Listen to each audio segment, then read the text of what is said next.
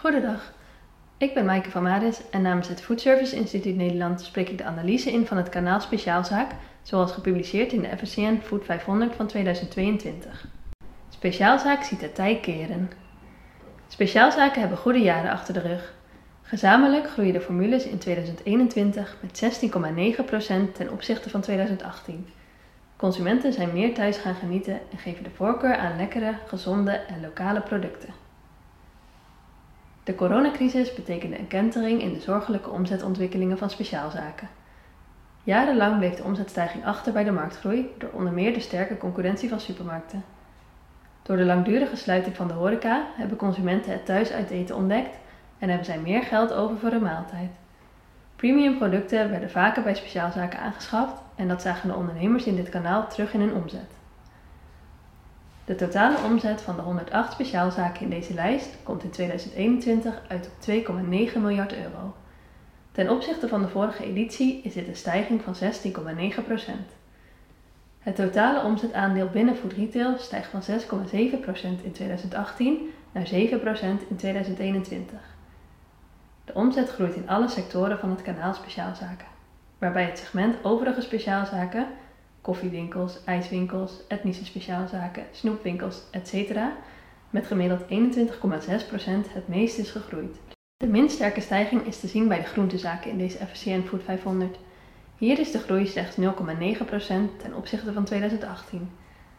Het aantal vestigingen van de formules uit deze FSCN Food 500 daalde met 168 ten opzichte van 2018. Dit betekent dat de gemiddelde omzet per vestiging aanzienlijk is toegenomen van 449.942 euro in 2018 naar 542.225 in 2021, een stijging van 20,5%. Slijterijen. De slijterijen in deze FSCN Food 500 behaalden samen een omzet van 997,6 miljoen euro. Dit is een groei van 21,3%. Het aantal vestigingen groeide met 6,6%. De gemiddelde omzet per filiaal komt uit op 826.500 euro. De ondervraagde slijterijen geven aan dat de druk vanuit de overheid toeneemt. Als onderdeel van het Nationale Preventieakkoord, waarbij de overheid gezondere consumptie wil stimuleren, zijn regels opgesteld voor aanbiedingen op alcoholische dranken. Deze aanbiedingen mogen een korting van maximaal 25% van de normale verkoopprijs zijn.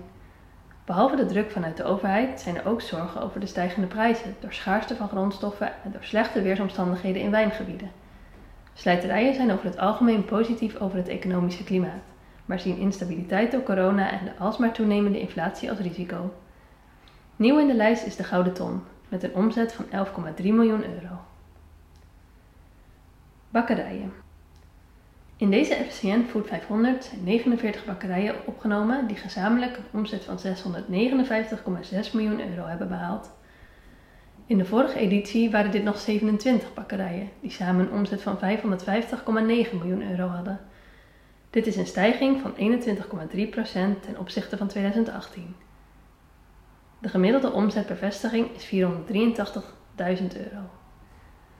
Een opvallende stijger in het segment bakkerijen is bakkerij Nollen, die van 10 vestigingen in 2018 groeide naar 16 vestigingen in 2021.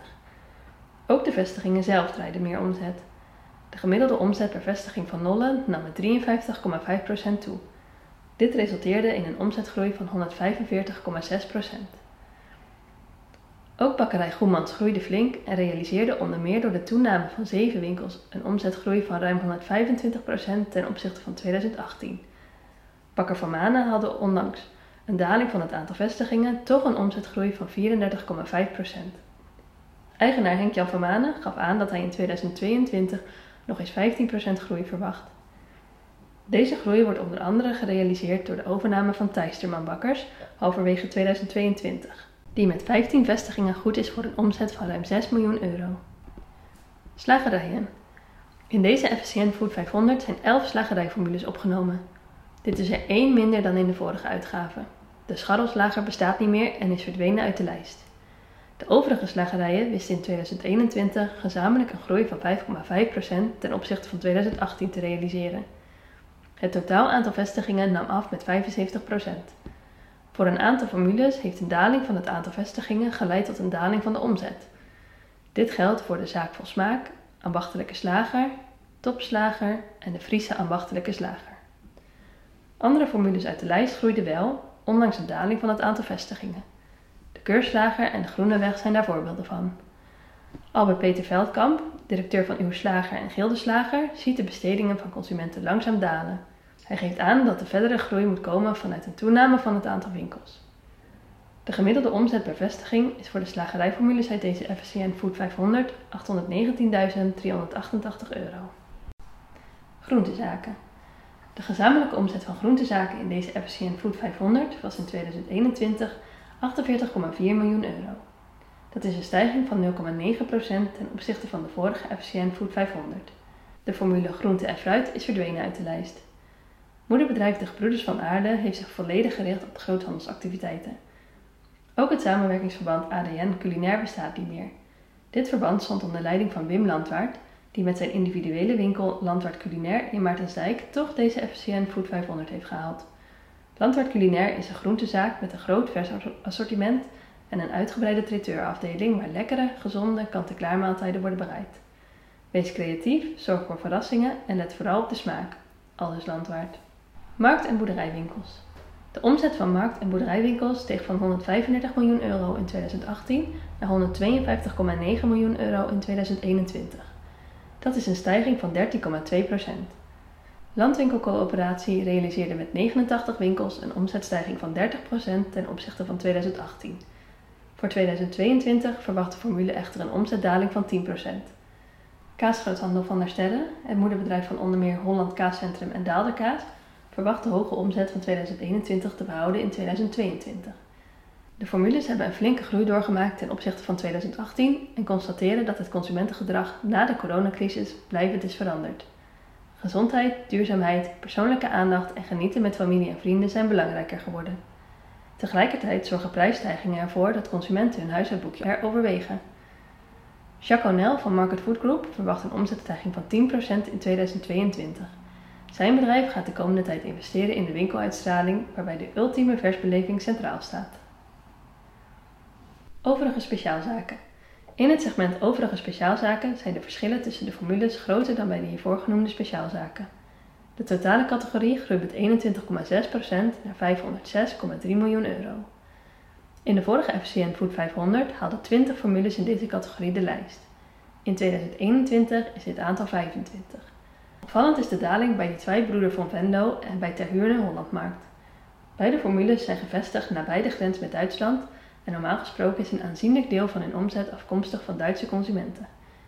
Tijdens de coronacrisis was de grens tussen Nederland en Duitsland langere tijd gesloten en vroegen beide overheden hun burgers niet de grens over te steken voor boodschappen. Zuivelhoeven verwelkomde sinds de vorige uitgave van de FCN Food 500 12 winkels en groeide mede daardoor met 53,9%.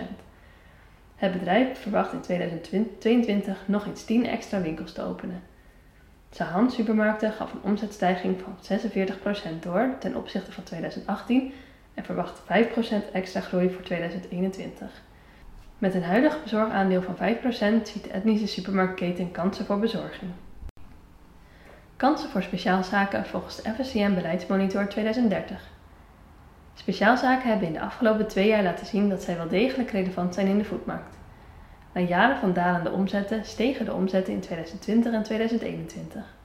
In 2022 wordt wederom een lichte groei van 0,3% verwacht. In de FSCM Beleidsmonitor 2030 onderscheiden we de volgende vijf kansen voor speciaalzaken. 1. Delivery. Boodschappenbezorging blijft een sterke groeimarkt voor speciaalzaken. In 2030 bestaat 15% van de totale food retail omzet uit bezorging. Delivery Food Retail behaalt in 2030 een omzet van 8,4 miljard euro.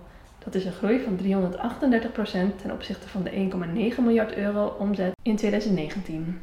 Bezorging van producten voor directe consumptie groeit het hardst. Speciaalzaken kunnen via flitsbezorgplatforms bezorgen, zodat zij niet zelf hoeven te investeren in de bouw van zo'n platform. Speciaalzaken kunnen foodservice opties meenemen in hun delivery aanbod. Denk aan warme maaltijden en lunches voor op kantoor. 2. Kansen voor kant-en-klaar. De toenemende behoefte aan gemak bij de consument zorgt voor kansen voor kant-en-klaar maaltijden. Belangrijk is dat de gezondheids- en kwaliteitsperceptie voldoende is. Speciaalzaken hebben een goed imago als het gaat om kwaliteit en gezondheid en kunnen daardoor mentaal gemak bieden aan consumenten die op zoek zijn naar gemakkelijke, duurzame en gezonde oplossingen. 3. Duurzaam en gezond consumeren. De vraag naar duurzame en gezonde gerechten groeit. Dat moet wel via motief genieten en voor een betaalbare prijs. Kansen zijn er voor speciaalzaken die gezondheid bereikbaar maken voor gezinnen en op die manier ook inspelen op de behoefte aan gemak. 4. Genieten thuis.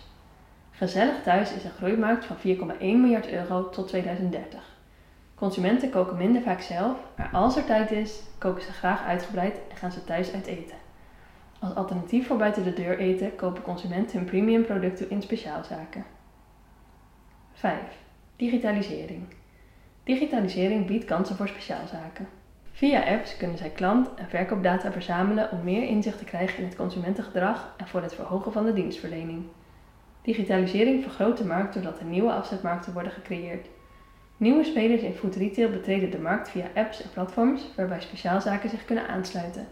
Denk aan flitsbezorgers die lokale producten willen opnemen in assortiment.